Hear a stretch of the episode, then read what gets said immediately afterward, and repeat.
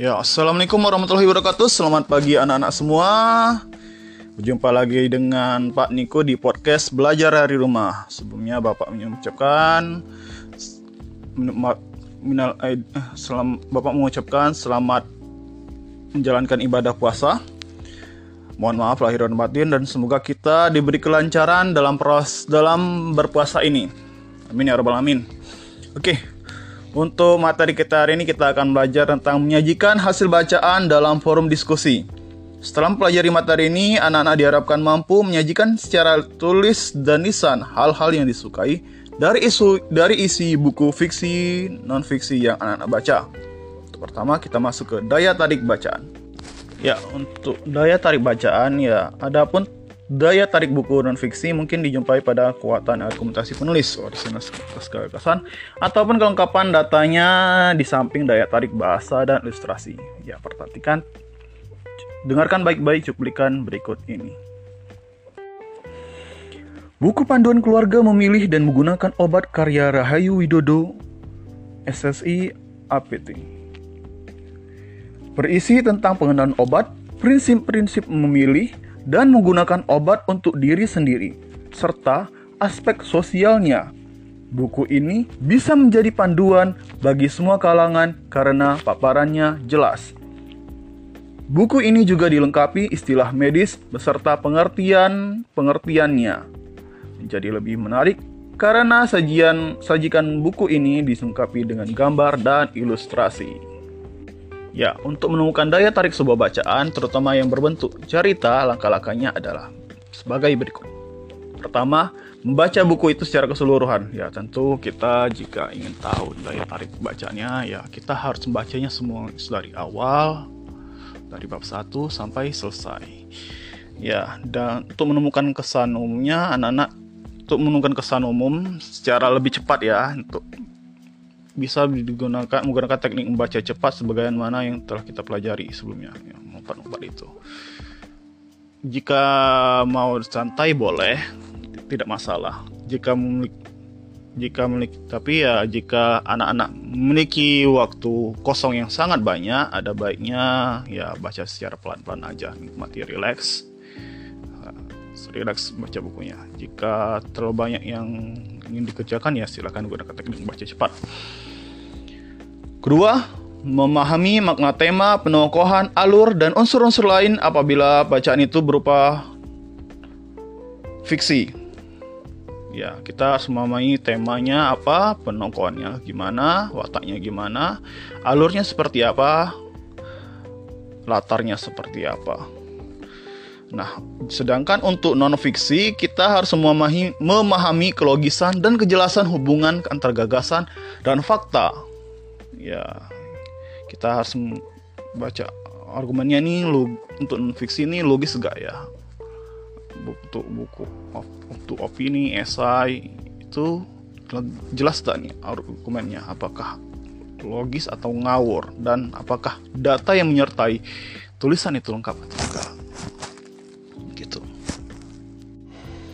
Kita lanjut ke berdiskusi tentang isi buku Secara umum tujuan utama diskusi adalah memecahkan suatu masalah.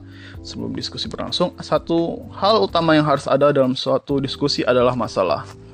Adapun yang dimaksud dengan masalah adalah sesuatu yang harus dipecahkan atau diselesaikan. Nah, tanpa ada masalah, diskusi sungguhnya tidak perlu. Karena diskusi itu tuh penting karena memang ada suatu masalah yang harus diselesaikan secara bersama-sama. Ya, misalnya ketika kita berangkat dari rumah ke sekolah tiap harinya, lalu kita ketemu lalu kita ya ketemu misalnya ya jalan rusak udah bertahun-tahun tidak diperbaiki. Ya itu berarti itu jadi sumber masalah. Atau misalnya ada ketemu orang gila setiap hari di situ terus. Ya itu tandanya itu adalah sebuah masalah. Nah beri nah itulah yang bisa menjadi masalah itulah yang bisa menjadi sumber diskusi kita Berikut ini sum sumber masalah untuk bahan diskusi. Pertama, hasil observasi terhadap lingkungan sekitar. Ya, hasil observasi ini berupa pengamatan terhadap ya lingkungan kita. Ya, seperti tadi kita gimana itu jalanan kita, lingkungan kita, apakah ada got yang mampet atau enggak kalau gor mampet itu jadi sumber masalah apakah jalan kita bagus atau enggak apakah kita ada ada gangguan seperti ada orang gila atau ada preman. Ya itu jika kalian menemukan hal-hal itu itu berarti sumber masalah. Dan itu sebaiknya kalian diskusikan. Atau misalnya kalian meneliti sesuatu yang fokus atau kalian mengamati pengamatan sesuatu secara serius. Misalnya ketika kalian ada di sini melakukan percobaan menanam toge di di sekolah dulu, di di studi dulu. Jika di antara kalian ada yang menanam toge, kalian bisa membandingkan antara pertumbuhan toge di luar ruangan dan di dalam rumah, oh, di dalam ruangan. Itu seperti apa? Bedanya seperti apa? Atau atau atau ketika menaruh ikan di di air bersih atau di selok di got itu bedanya seperti apa? Apakah air di got lebih tahan lama daripada air bersih? Itu bisa menjadi sumber masalah untuk dibahan diskusi. Kedua, ajuan peserta itu sendiri. Ini ajuan peserta ini bisa disebabkan oleh dua hal. Pertama, dia pengalaman dia memiliki keahlian keahlian di bidang tertentu. Misalnya, ketika diskusi masalah COVID, tentu dokter atau orang tenaga medis yang akan lebih paham masalah COVID ini daripada ya kita atau bapak sebagai orang-orang biasa. Ya. Selanjutnya ada pengalaman pengalaman peserta itu sendiri. Misalnya ketika dia adalah mantan pasien COVID, tentu dia akan lebih paham tentang gejala-gejala yang ia alami, apa yang ia alami dan ya yang terjadi pada pada waktu dia menderita COVID dan bagaimana pengobatannya. Tentu ia lebih paham daripada bapak dan anak-anak semua. Selanjutnya, ketiga menemukan dari buku, majalah, jurnal, surat kabar, internet, baik itu YouTube atau IGTV. Ya, dari berbagai sumber tersebut, buku atau bacaan-bacaan merupakan sumber yang baik di dalam merumuskan masalah diskusi, termasuk solusi solusi, solusi pemecahannya. Dari berbagai bacaan, anak-anak dapat dapat banyak informasi dan pelajaran yang dapat anak-anak diskusikan. Dengan membaca, anak-anak dapat mengumpulkan informasi dan pengetahuan yang sebanyak-banyaknya. Anak-anak dapat menemukan solusi yang begitu melimpah. Berbagai pendapat ahli pun dapat anak temukan sebagai bagian penting untuk didiskusikan.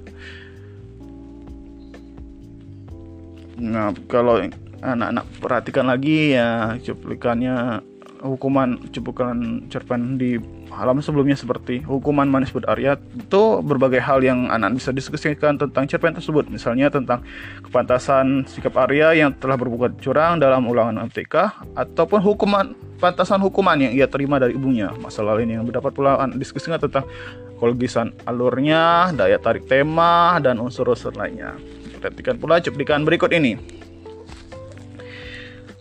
Oke, perhatikan lagi cuplikan berikut ini. Perempuan memang paling rentan terhadap anemia, terutama anemia karena kekurangan zat besi. Darah memang sangat penting bagi perempuan. Hal ini terutama pada saat hamil, zat besi itu dibagi dua, yaitu bagi si ibu dan janinnya. Apabila si ibu mengalami anemia, bisa terjadi abortus, lahir prematur, dan juga kematian pada saat melahirkan. Padahal, kita ingat di Indonesia angka kematian ibu melahirkan dan kematian bayi itu masih cukup tinggi bahkan bagi janin. Zat besi juga dibutuhkan terutama juga ada kaitannya dengan kecerdasan oleh dokter Lisa Anwar dalam Republika. Ya, bacaan tersebut ber berkategori non-fiksi. Dari bacaan tersebut, anak-anak dapat merumuskan topik-topik diskusi berikut ini. Satu, anemia sebagai penyakit berbahaya bagi perempuan. Kedua, sebab-sebab tingginya kematian bagi bayi dan anak di Indonesia. Nah, kedua hal itu di, merupakan permasalahan yang dapat dijadikan bahan diskusi untuk dicari solusi atau pemecahannya. Perhatikan pula cuplikan bacaan berikut. Bagi perusahaan, wawancara adalah kesempatan untuk menggali kualifikasi kandidat secara lebih mendalam. Lihat kecocokannya dengan posisi yang ditawarkan, kebutuhan dan kultur perusahaan. Wawancara pun menjadi ajang tanya jawab antara si pewawancara dan kandidat. Bagi Eh, agar mudah dipahami oleh lawan bicara, kita harus berbicara dengan jelas. Jaga agar kita tidak berbicara terlalu cepat atau lambat. Atur juga suara agar jelas terdengar. Suara yang terlalu pelan membuat kita terlihat kurang percaya diri. Sementara itu, suara yang terlalu keras membuat kita terlihat agresif. Penggunaan bahasa yang baik juga menjadi suatu keharusan. Perhatikan pula pertanyaan yang disampaikan pewawancara agar kita dapat memberikan jawaban yang relevan. Tak ada salahnya menanyakan kembali atau mencoba mengulangi pertanyaan yang diajukan untuk memastikan bahwa pemahaman kita sudah benar. Namun, jangan melakukannya terlalu sering karena justru akan membuat pewawancara mempertanyakan daya tangkap kita. Bahasa tubuh pun ikut memegang peranan. Gerakan nonverbal seperti mengangguk atau sikap tubuh yang agak condong ke depan menunjukkan bahwa kita tertarik pada apa yang disampaikan si pewawancara. Pastikan pula kita menjaga kontak mata dengan pewawancara karena kontak penting dalam proses komunikasi, termasuk dalam wawancara kerja. Lebih baik apabila kita mampu menampilkan sikap yang antusias, verbal, dan nonverbal Hindari bahasa tubuh yang dapat diartikan negatif, seperti menggoyangkan kaki, mengatuk-ngatuk jari, atau menghindari kontak mata. Cara berbicara yang percaya diri tetapi tidak terkesan sombong dapat menarik minat pewawancara. Saat berbicara, hindari uraian yang panjang, lebar, dan bertele-tele.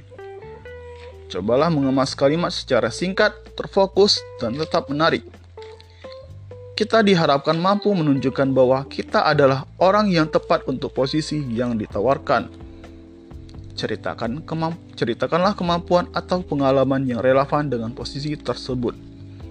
Hindari mengkritik atasan atau rekan kerja sebelumnya, karena ini menunjukkan sikap yang tidak profesional.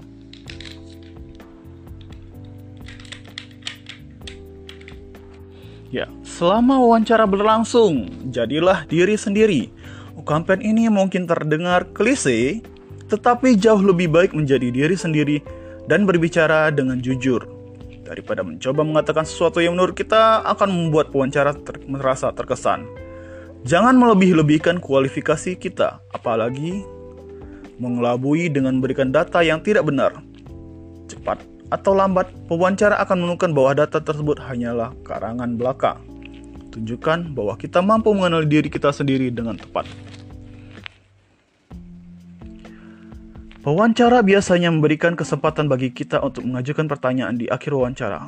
Gunakanlah kesempatan ini secara elegan dengan cara menunjukkan rasa ingin tahu kita tentang lingkup dan deskripsi tugas posisi yang dilamar, kesempatan pengamat diri, dan sebagainya.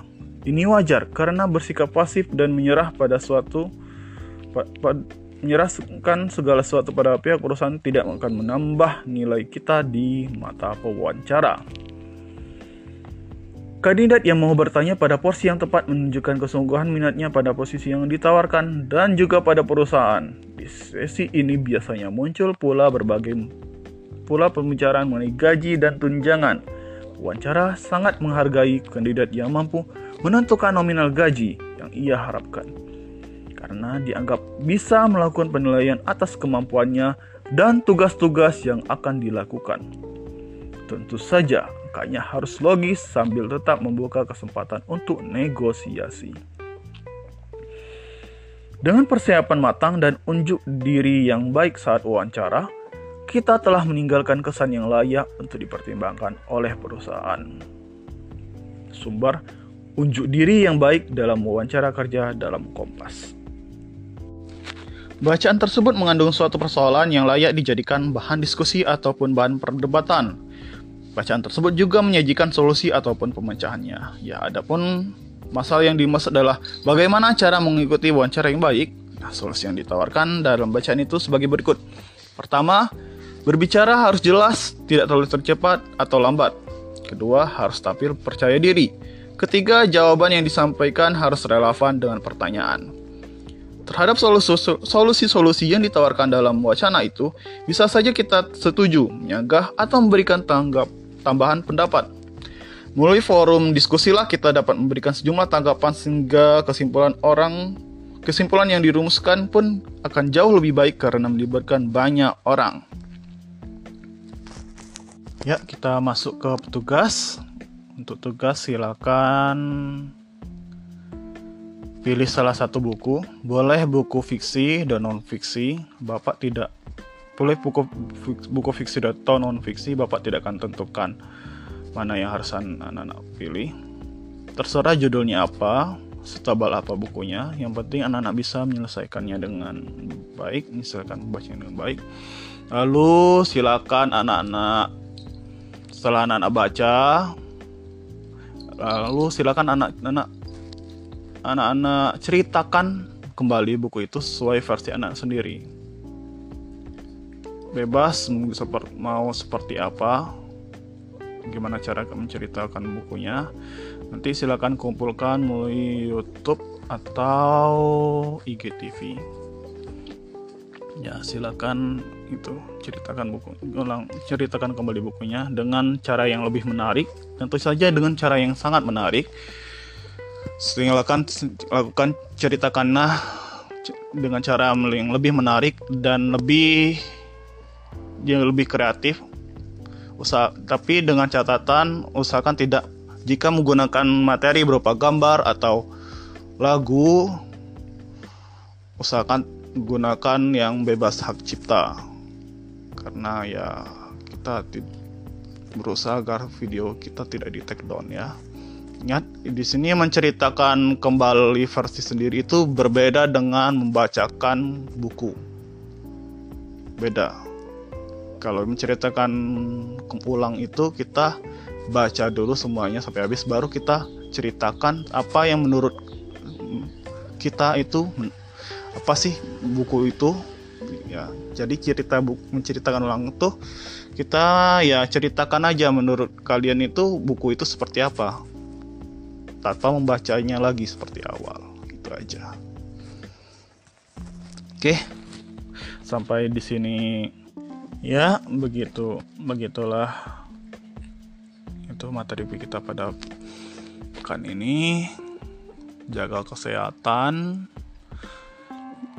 terutama di bulan di bulan puasa ini dari kurangi aktivitas di luar. Jika beraktivitas di luar gunakan masker. Tetap jaga jarak dan jika dan rajin-rajinlah cuci tanganmu. Ya. Dan ya jaga kesehatan jaga kebersihan rumah. Selama di rumah silakan jaga kebersihan rumah. Jika anak-anak tidak dikenal marah orang tua. Dan ya sem yang semoga anak-anak kuat selama kuat menjalani ibadah puasa ini semoga kita semua bisa bisa menjalani ibadah puasa dengan sangat baik. Dan ya semoga kita dikuatkan menghadapi pandemi pandemi semoga kita dikuatkan dalam menghadapi pandemi corona ini. Amin ya rabbal alamin. Itu saja. Sampai jumpa lagi pada materi selanjutnya. Assalamualaikum warahmatullahi wabarakatuh. Dadah.